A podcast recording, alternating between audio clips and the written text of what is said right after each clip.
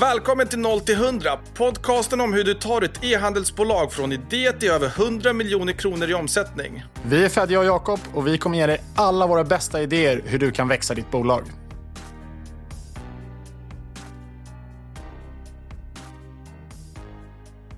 All right, vi är tillbaka.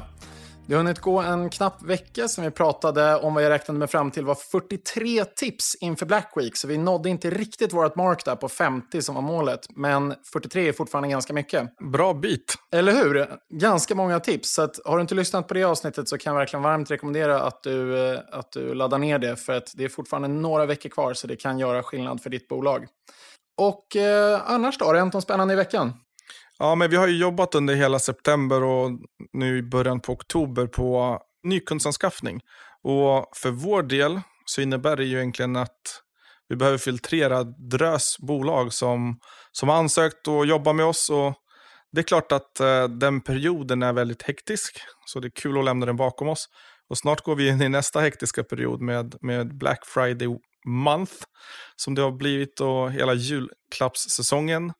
Och sen ser jag fram emot en ganska skön ledighet och koppla av i januari. Förhoppningsvis så kommer det bli lugnare än förra året. Så vad var det som hände förra julledigheten som gjorde att den inte var avslappnad? Nej, men vi hade ju hela mid-season sale som aldrig tog slut och gick in på Valentine's i och med att folk hade ett sånt överlager. Speciellt inom fashion. Så att eh, man var ju tvungen att klura på nya idéer och hur ska vi egentligen bli av med allt överlager som vi hade beställt i och med att vi antog att vi skulle ha en mycket starkare försäljning på några cases som vi har jobbat med, några partners. Och det landar ju såklart på mig. Så att eh, en hel del eh, extra arbete.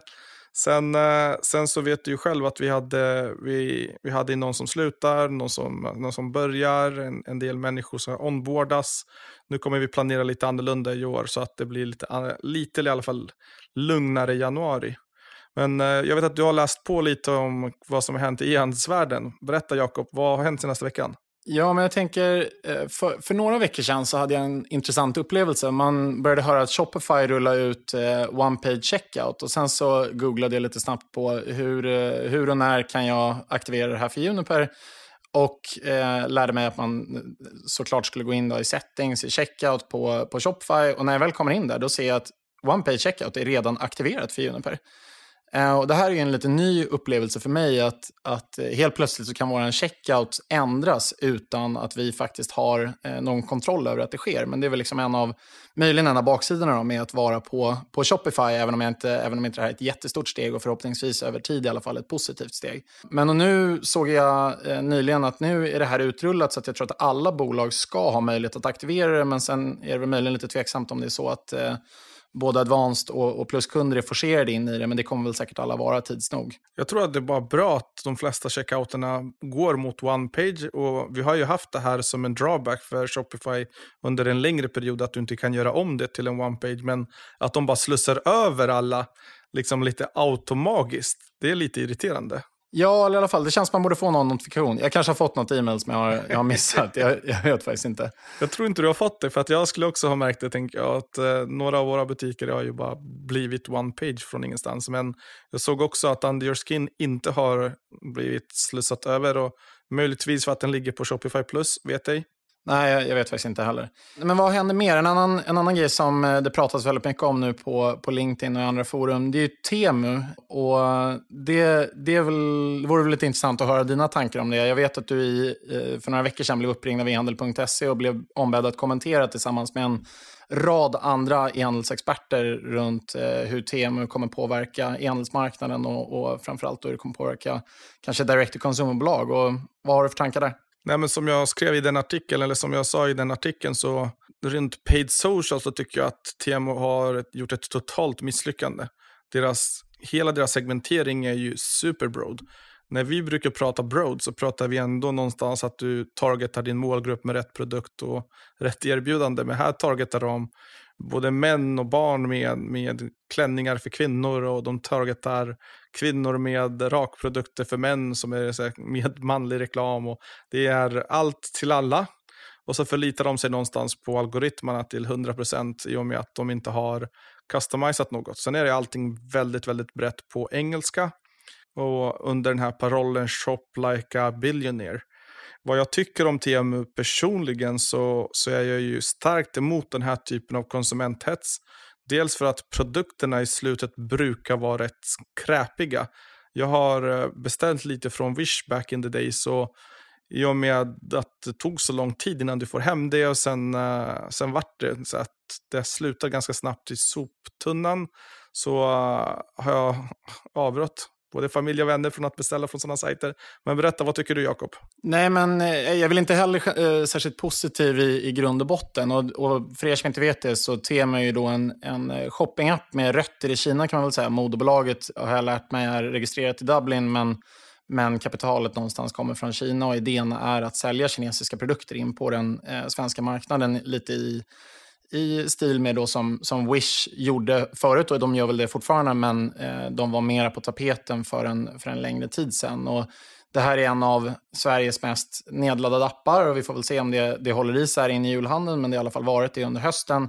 Jag läste bland annat att det var den mest populära shoppingappen i, på Android, men bara den sjätte mest populära shoppingappen på iPhone. Och vad kan man dra för slutsatser på det på de olika målgrupperna som använder shoppingapparna? Nej, men vi vet ju att det predominant är norra Europa och USA som använder iOS som plattform. Och vi vet att eh, det är mer öststater som använder Android, när man rent generaliserar det. Det är även lite fler män som sitter på Android och lite fler kvinnor som sitter på iOS. Så att eh, drar vi grova generaliseringar så ser vi ju vilka som lockas mest av den typen av erbjudande som, som Temu har. Men Temu, till skillnad från många andra kinesiska appar som ändå har försökt tidigare komma in med ett liknande koncept, har ju enorma muskler bakom sig i form av att det är PDD Holdings, alltså Pindudu, som, som driver Temu-appen. Och det finns ju egentligen inget stopp. Någonstans har jag också fått upp artiklar om att de går back någonstans, var det 30 dollar per order Jakob. Så att det är enormt mycket som de går back just nu. Extremt kapitalintensivt. Extremt kapitalintensivt.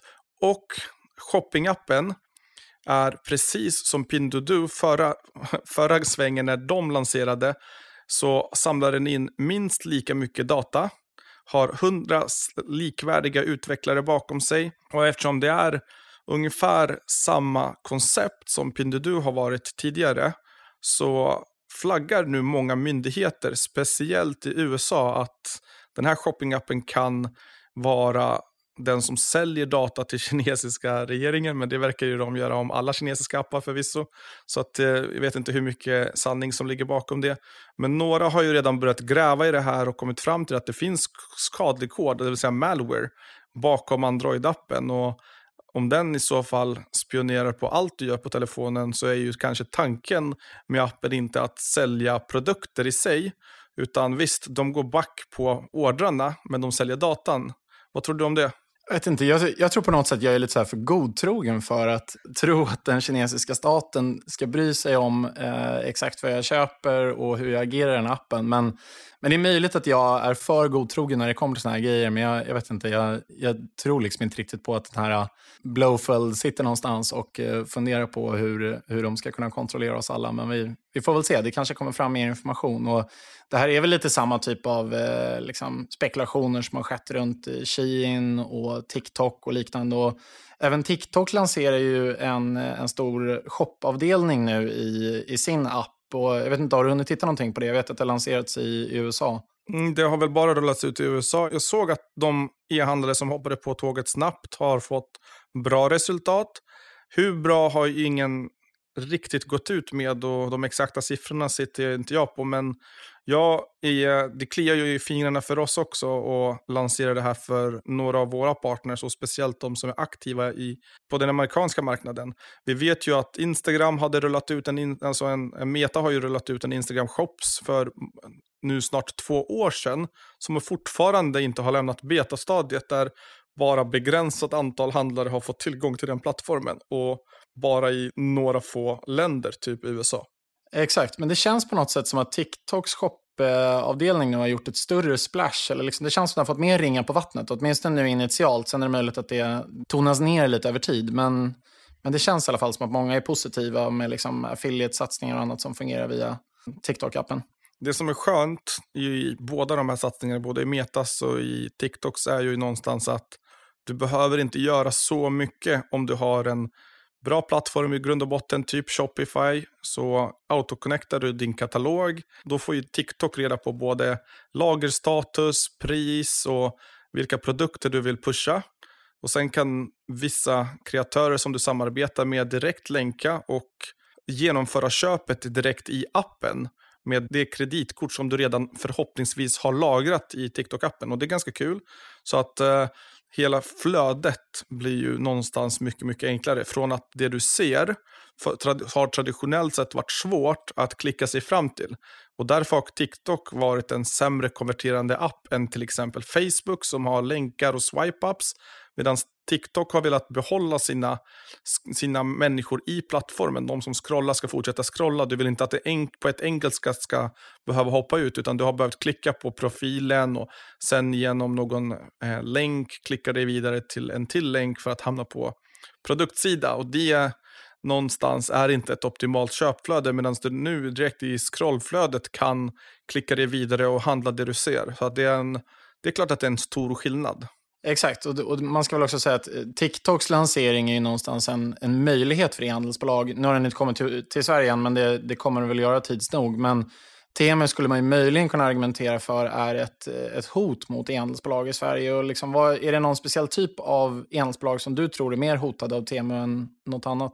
Men vi vet ju att bolag som har gått bra i år, typ Fyndik, i, i och med vilka tider vi är i, kommer vara mer ja, men konkurrensutsatta. Det är klart. Sen eh, betyder det inte att konkurrens i all välmening är dålig, utan det här kan ju få ett uppsving för sådana här lågbudgetprodukter. Och när du väl ser annonserna från TMU så kanske du går in och söker dig efter de produkterna och hamnar på Fyndik.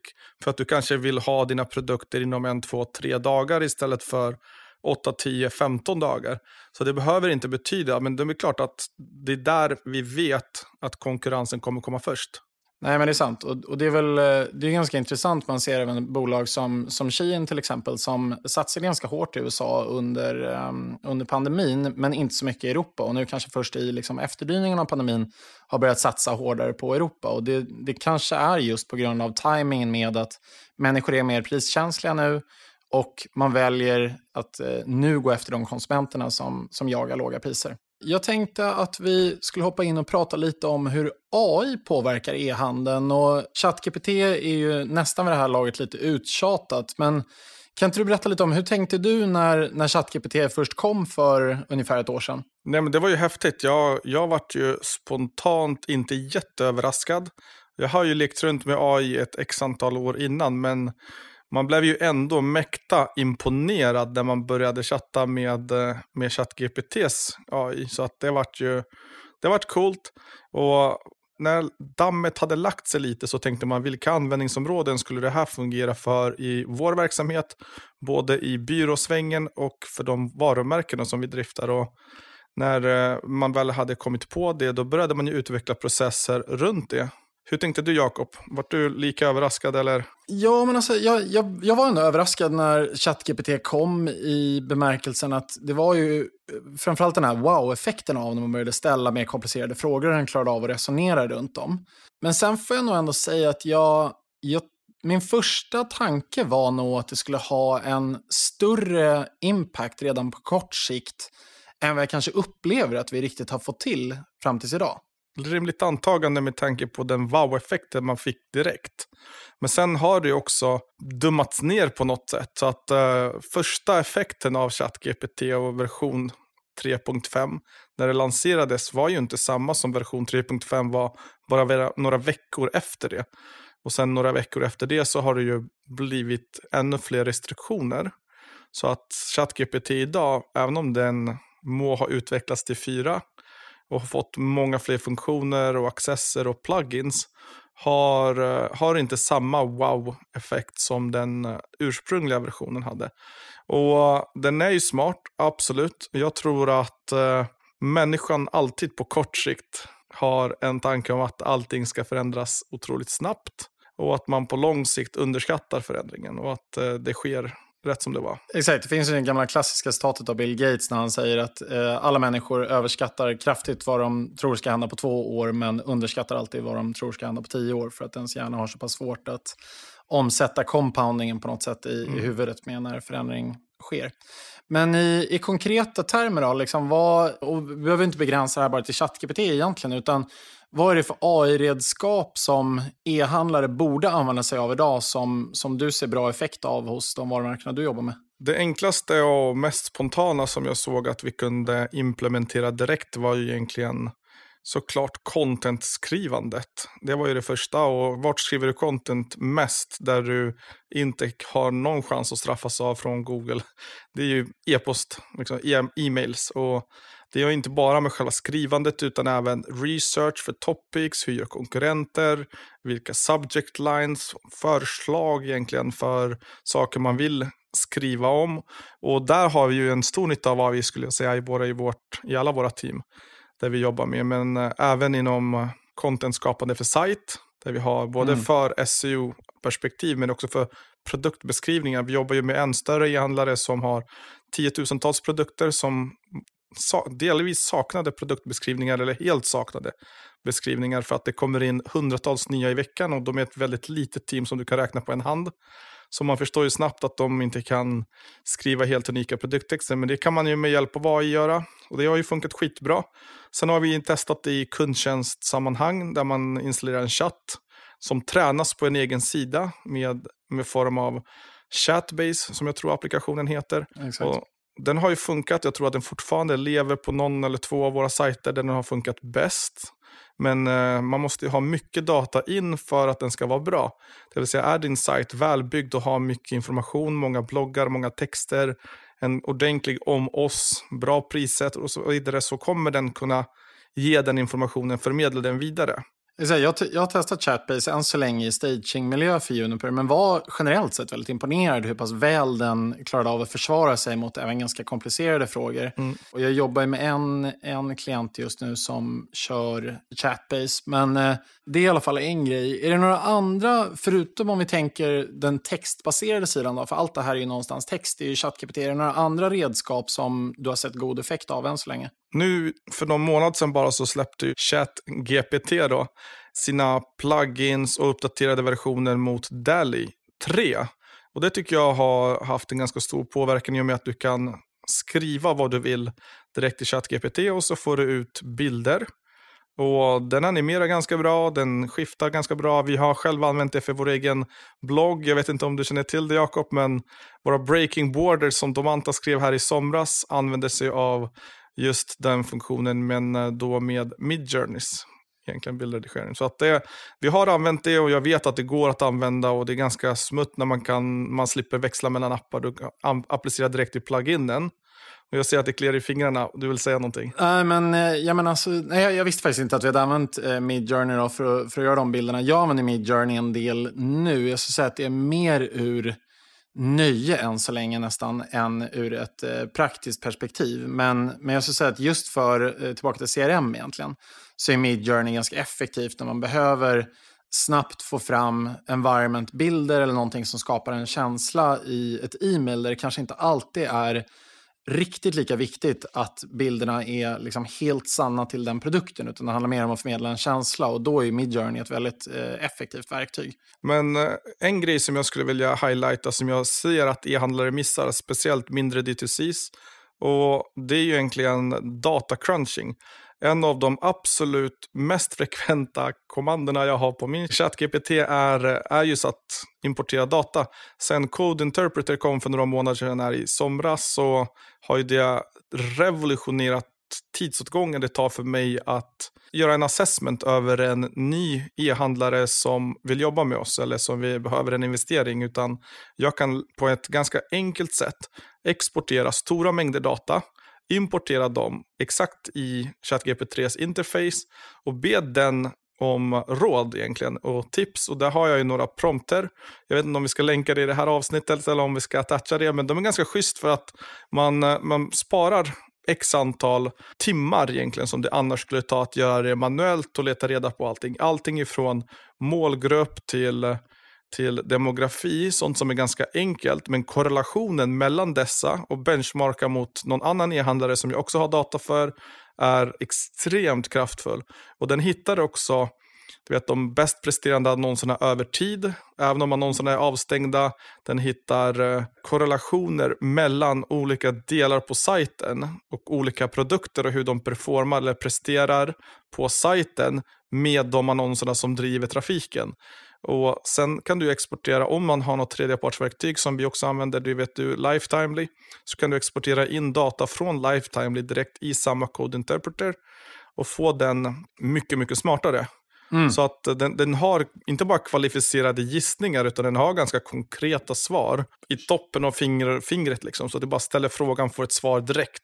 Shopify håller faktiskt på att rulla ut det också. Jag vet att de, de har det här nu som de kallar för sidekick som, som Tobbe Lydke pratade sig varm om. Som där du egentligen då kan ställa frågor direkt in i Shopify och få tillbaka kloka svar där du, där du kan säga till exempel varför sjönk försäljningen de sista tre månaderna och den klarar på något sätt av att lista ut att eh, jo, men det var på grund av vädret eller det var liksom på grund av någonting annat så att den faktiskt ska ha en bredare då, förmåga att ta in all den datan som du har i Shopify, både om kunder och om, om dina produkter och eh, förstå köpmönstren. Och vi, det har vi inte riktigt eh, sett hur väl det fungerar än, men, men man kan väl tänka sig på sikt att det är någonting som skulle kunna bli ganska kraftfullt, särskilt för små e-handlare. Mm, nej, men det låter ju ändå som en otroligt kraftfull funktion för att det här är ju ändå någonting som, som har kännetecknat mig i essens av D2C-e-handlare.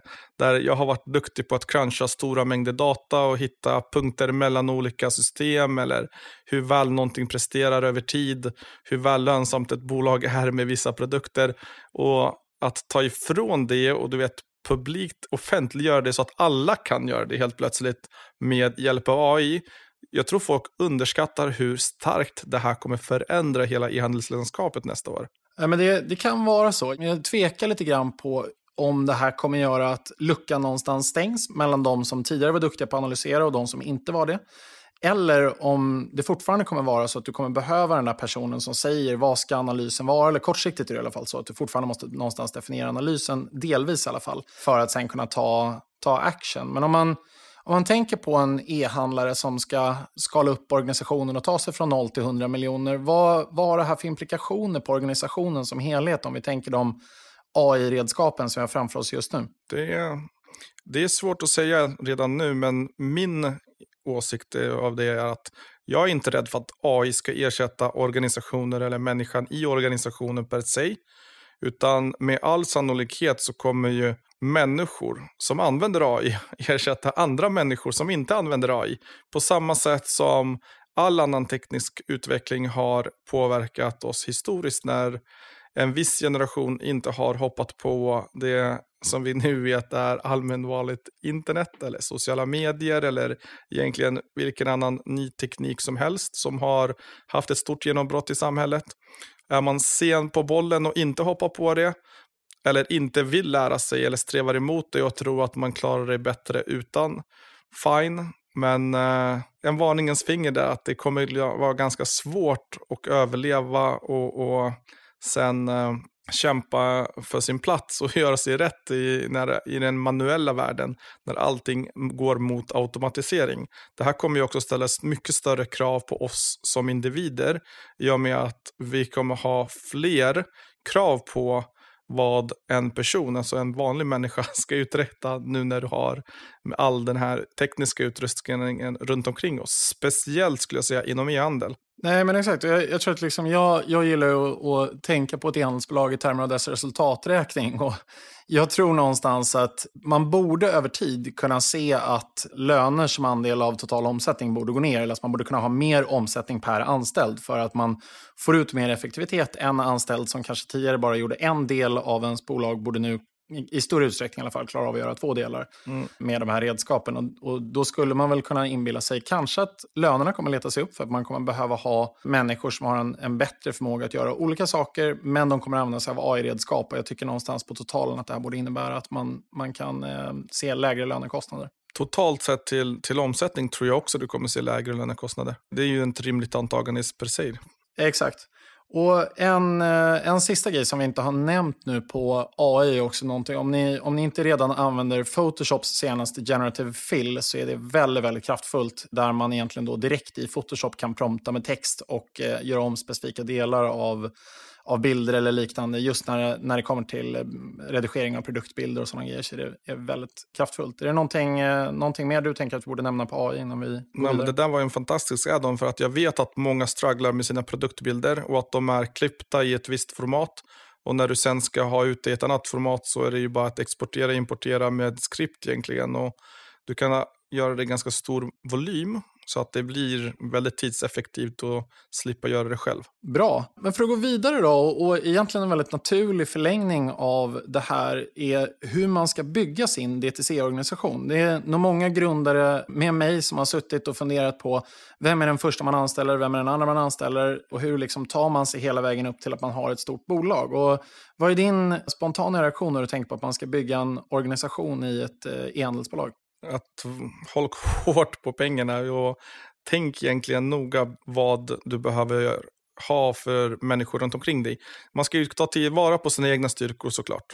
Det vet du lika väl som jag att om du är duktig på data, är datadriven marknadsförare, så kanske du ska komplettera det med någon som är mer brandorienterad och har fingertoppskänslan för vad som fungerar både på sajt, produkt, marknaden och är mer åt det hållet. Så att eh, det beror ju på hur, vilken segment du är i, vilken nisch du vill penetrera och vad du vill åstadkomma, hur snabbt du vill bygga det, hur mycket du kan tänka dig göra det själv. Men ett allmänt råd som jag brukar ge är att uh, bli bra på någonting eller bli hyfsat bra på någonting själv innan du lägger ut det på andra.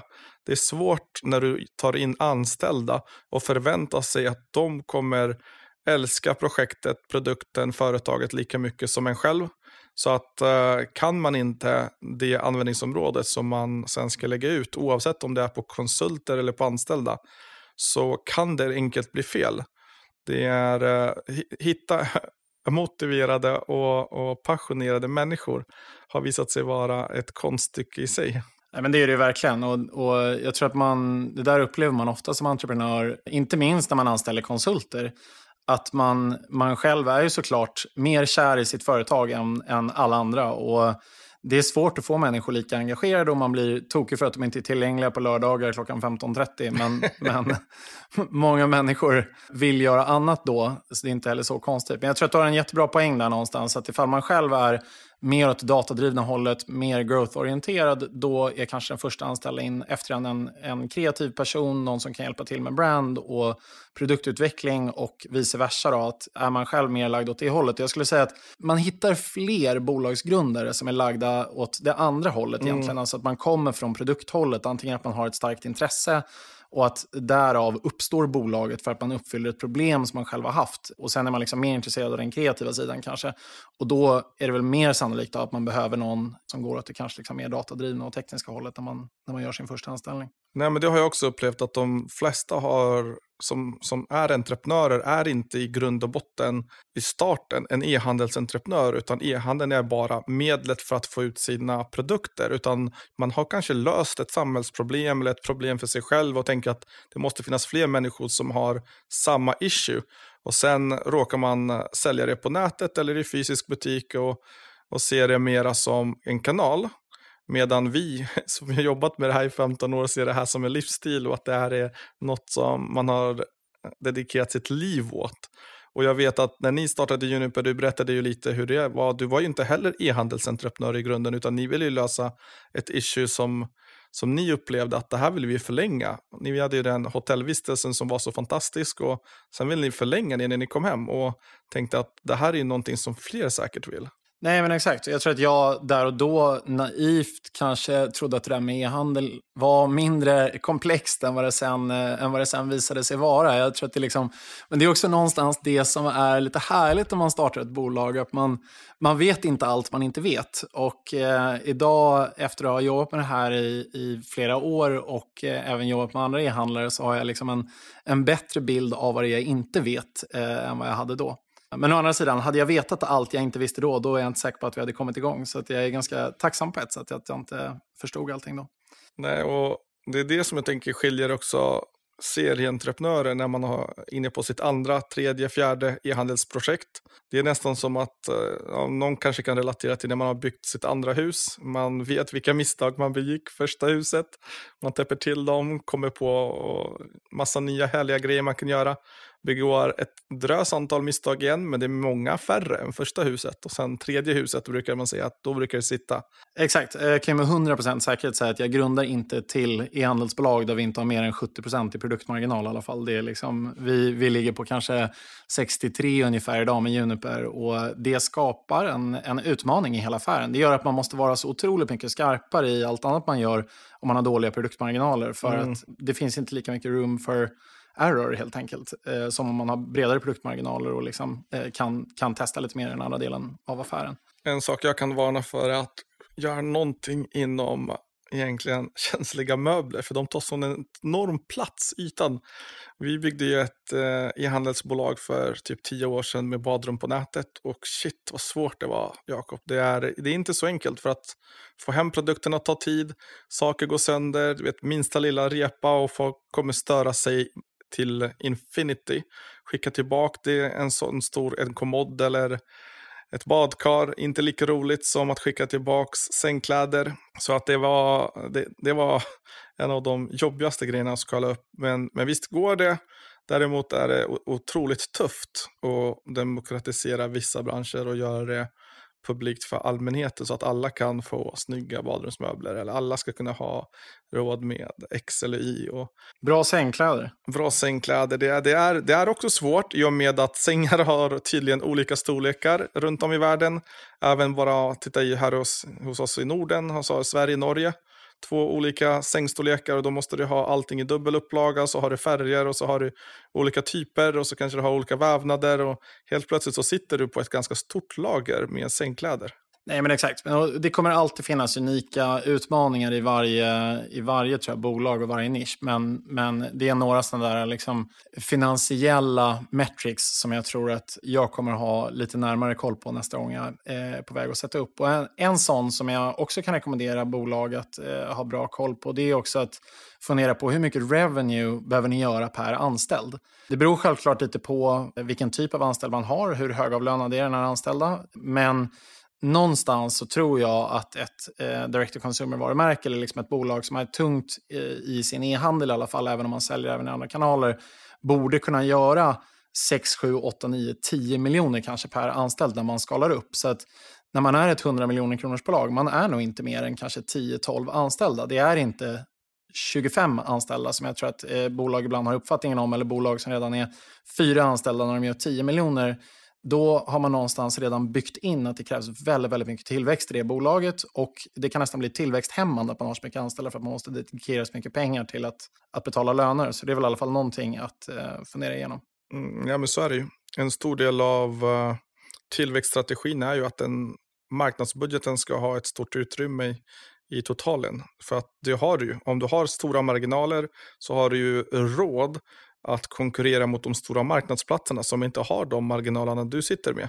Och om du sen ger bort marginalerna i form av anställda eller någonting annat, dyra konsulter, så sitter du i ganska svårt utrymme i acquisition när du ska konkurrera mot de stora jättarna. Exakt. Bra. Ehm, jag tänkte att vi byter ämne där och pratar om vilka varumärken som inspirerar just nu. Alltså egentligen vad, vad, om du ska sätta dig en eftermiddag och fundera på okej, okay, nu ska jag komma på nya grejer och nu vill jag lära mig från något annat varumärke. Är det några varumärken, antingen internationellt eller i Sverige, som du tycker konsekvent gör det väldigt imponerande. Och bara för att göra det här lite extra limiterat nu så får det här absolut inte vara ett varumärke som du har någon koppling till. Utan oh. du måste gå utanför den repertoaren av varumärken. Ja, men jag tittar ju mycket på varumärken utomlands. Det är klart att uh, det finns bra varumärken här på hemmaplan som man hämtar lite inspiration av. Men ska man nämna några så är de stora inspiratörerna skulle jag säga. Inom sängkläder har jag Brooklinen. Och redan innan vi kände varandra så sparade jag ner hur hela deras hemsida var. 2019, 20 innan de bytte 21 och sen vart den ju hemsk. Men eh, någonstans så inspirerades jag av hela deras startsida, flödet och så vidare. Jag älskar varumärket True Classic. Vet inte om du har hört talas om det? Absolut. Jag tycker det de gör både varumärkesmässigt men annonser på sajten och hela upplevelsen med produkten och unboxingen är fenomenalt bra gjord. Jag, skulle, jag kan till och med sträcka mig så långt och säga att Ben Jalom där som är eh, deras, eh, vad de nu kallar för president, men, men det låter ju som att han är vd, men han, är, han har då en sekundärtitel bredvid vdn och har kommit in efter de som grundade bolaget. Men han är nästan lite av en idol för mig i eh, direct to consumer spacet. Han är fruktansvärt skarp och jag kan rekommendera er att eh, lyssna på ett avsnitt eh, av eh, Limited Supply med Nick och Mois när de intervjuar Ben Jalom och hur han tänker på affären. Eh, det är väldigt, väldigt inspirerande. Bra shoutout. Bra att du gör reklam för andra poddar i vår podd. det, är väl, det är väl helt fair. Man kan lära sig på många olika platser. Det här är en av de platserna. Så pausa podden, gå och lyssna på den andra podden som jag precis nämnde, men kom tillbaks. Det jag ska va. Men he helt ärligt, det finns många bra bolag. Jag, jag gillar ett företag i Australien som heter Alias Skincare när det kommer till hudvård. Tittar mycket, det är två grabbar som startade det. De var rätt unga. De har gjort många misstag längs vägen. Och det är väldigt, väldigt rosa var, som varumärke. Men någonstans så har de gjort en del bra annonser. Jag tittar på vad de har för, de har en bra quiz. Sen finns det ett bolag, ett till bolag som är amerikanskt då, som jag, som jag tittar väldigt mycket på. Och det är egentligen vår gamla kollega Domanta som jobbade mycket med det, som heter Avera Skin Glow. Tittade extremt mycket på vad de gjorde 2020-2021 när de byggde varumärket med en celebrity bakom, en, en eh, uh, moviestar. Hur gör man det och hur gör man den resan och hur får man det att vara trovärdigt på ett helt annat sätt? Vi lärde oss extremt mycket av det. Sen eh, så, ja men det finns ju en, drösmål, men låt oss höra, vad, vad följer du för någonting förutom ja, Brooklyn? Jag gissar att du tittar på det. Ja, exakt. Självklart tittar jag på Brooklyn. Och, och eh, satt ju, vi gjorde en ny hemsida för Juniper under våren och då är det klart att man satt och tittade mycket på deras hemsida. Det var en sektion där som jag ägnade väldigt mycket energi åt att titta på, på deras hemsida, men som jag till slut valde att inte implementera på vår nya hemsida. Och det som var lite lustigt var att nu när jag var inne på Brooklynens hemsida bara för några dagar sedan, då hade de tagit bort den delen. Så det var ändå lite glädjefyllt att eh, den analysen skapade något värde och att, att vi inte just valde att implementera eh, den delen då, som egentligen handlade om ett mellansteg innan man kom till listingsidan där man skulle välja vävtyp utan att man, man kommer egentligen direkt till listingsidan då istället. Nej, men annars så, Apple har länge inspirerat mig. Jag, jag gillar Steve Jobs väldigt mycket. Jag läste dokumentären, eller läste boken eller biografin eh, av Walter Isaacson med, med Steve Jobs och det gjorde mig på något sätt bara ännu mer imponerad och intresserad. En annan sån upplevelse som jag haft är med, eh, med Lululemon där jag också läste biografin av grundaren eh, Chip Wilson och Lululemon tycker jag länge har varit inspirerande. Jag gillar Lululemon som varumärke, men det har också blivit lite urvattnat. Men under, under våren här i New York så fick jag ögonen på ett annat varumärke som heter Alo som eh, gör det väldigt snyggt i yoga-spacet. Jag är inte själv en eh, person som utövar yoga, men jag tycker ändå att de gör det väldigt, väldigt snyggt med sitt varumärke. Ja, men jag håller med. Jag tittade mycket på dem också för fyra fem år sedan och jag tänker att de startade väl någon gång samtidigt. Lululemon hade mera den här äh, klassiska träningsapproachen med eh, enklare joggingturer och så vidare. Och Alo Yoga gick ju in mycket mot yoganischen. Om de inte har bytt namn till bara Alo nu. Ja, de kanske heter yoga också. Jag är faktiskt inte helt hundra. Eh, men de eh, Oavsett så gör de det väldigt cleant medan Lululemon har blivit lite mer än någonting, eller de försöker vara någonting för alla och det är alltid svårare tror jag att ta den, ta den typen av position. Jag tror båda började i en supernisch där Alo, Alo började i, i yoganischen och Lululemon började mer i street och, och gym. Och... Nej, nej, Lululemon var också i yoga från början. en del liksom, yoga, va? men det var nog inte deras core-core målgrupp. Jag har för mig att de ändå började i yoga, men jag lite, blir lite osäker nu. Men eh, ett annat varumärke, just apropå det där med, med kändisar och skala varumärken, som har gjort det väldigt, väldigt skickligt, är ju Järf. Eh, här på hemmaplan. Och häromdagen så såg jag när Rasmus annonserade på LinkedIn att de hade kört eh, event på Guggenheim i, i New York. Och det måste ju ändå vara något av en dröm när man sätter upp ett varumärke i, i Sverige att ändå stå på Guggenheim Museum och eh, göra någon form av gala-event för sitt varumärke. Nej men helt galet. Hatten av Jerf Avenue, ett av Sveriges absolut starkaste varumärken inom D2C senaste tre fyra åren. Verkligen, extremt imponerande. Eh, andra varumärken som jag tänker på är väl eh, CD-Elpa. Jag har alltid eh, varit väldigt imponerad av vad det kommer till video och deras liksom, bildspråk. Sen vet jag att de har kämpat lite med, med det som kanske står mig varmast om hjärtat eh, med, med lönsamheten och siffrorna. Men jag tycker ändå att det är ett billigt, otroligt fint varumärke och det känns som att de är eh, på väg åt rätt håll. Och där håller jag inte med. jag, jag, jag har hyfsat bra insyn i, i organisationen och hur de jobbar med annonser och så vidare. Och marketingorganisationen är jag lite, den, den typen av case tycker jag har varit en gång en gång i tiden, du vet när man öser in VC-pengar, försöker bygga brand, vill göra det coolt, kanske inte är så coola som man vill vara och förmedlar en, en typ av känsla som är väldigt specifik åt en målgrupp utan att vara så datadrivna. Och jag vet inte om det är en, jag skulle säga att det är en dålig idé att göra något åt det hållet idag.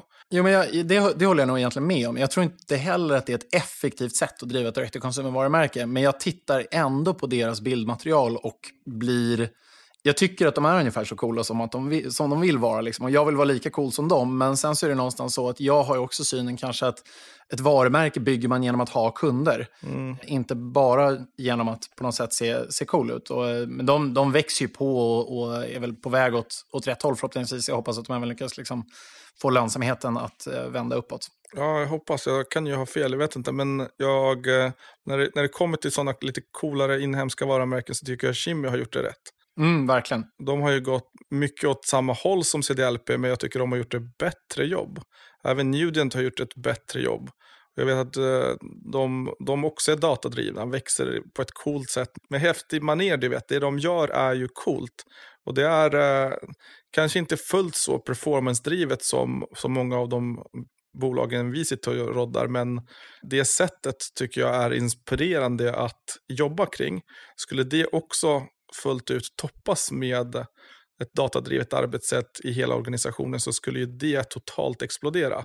Jag vet att eh, ja, men en tidig medgrundare i, i Kimi var ju datadriven och blev lite utputtad och, mot och hur organisationen jobbade. Och det de har gjort var, och det spåret de har valt var ju helt rätt. Jag menar, helt, helt rätt. Hatten av det varumärket de har byggt idag är världsklass. Verkligen, men väldigt imponerande. Och även Nudient som du nämnde, där är också ett, ett varumärke som imponerar, växer eh, starkt och även är, är på väg ut till internationella marknader. Men eh, vi kanske eh, rundar av där helt enkelt och tackar för idag.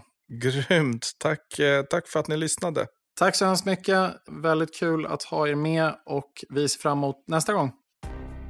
Tack för att du lyssnat. Vi är tillbaka nästa gång för att berätta om våra tankar om vad som händer i e-handelslandskapet och med våra senaste tips hur du kan växa ditt bolag och bli mer lönsam. Om du gillar det här avsnittet, dela det med en vän och rita gärna podden med fem stjärnor och följ oss där du lyssnar på podcast så att du inte missar nästa avsnitt.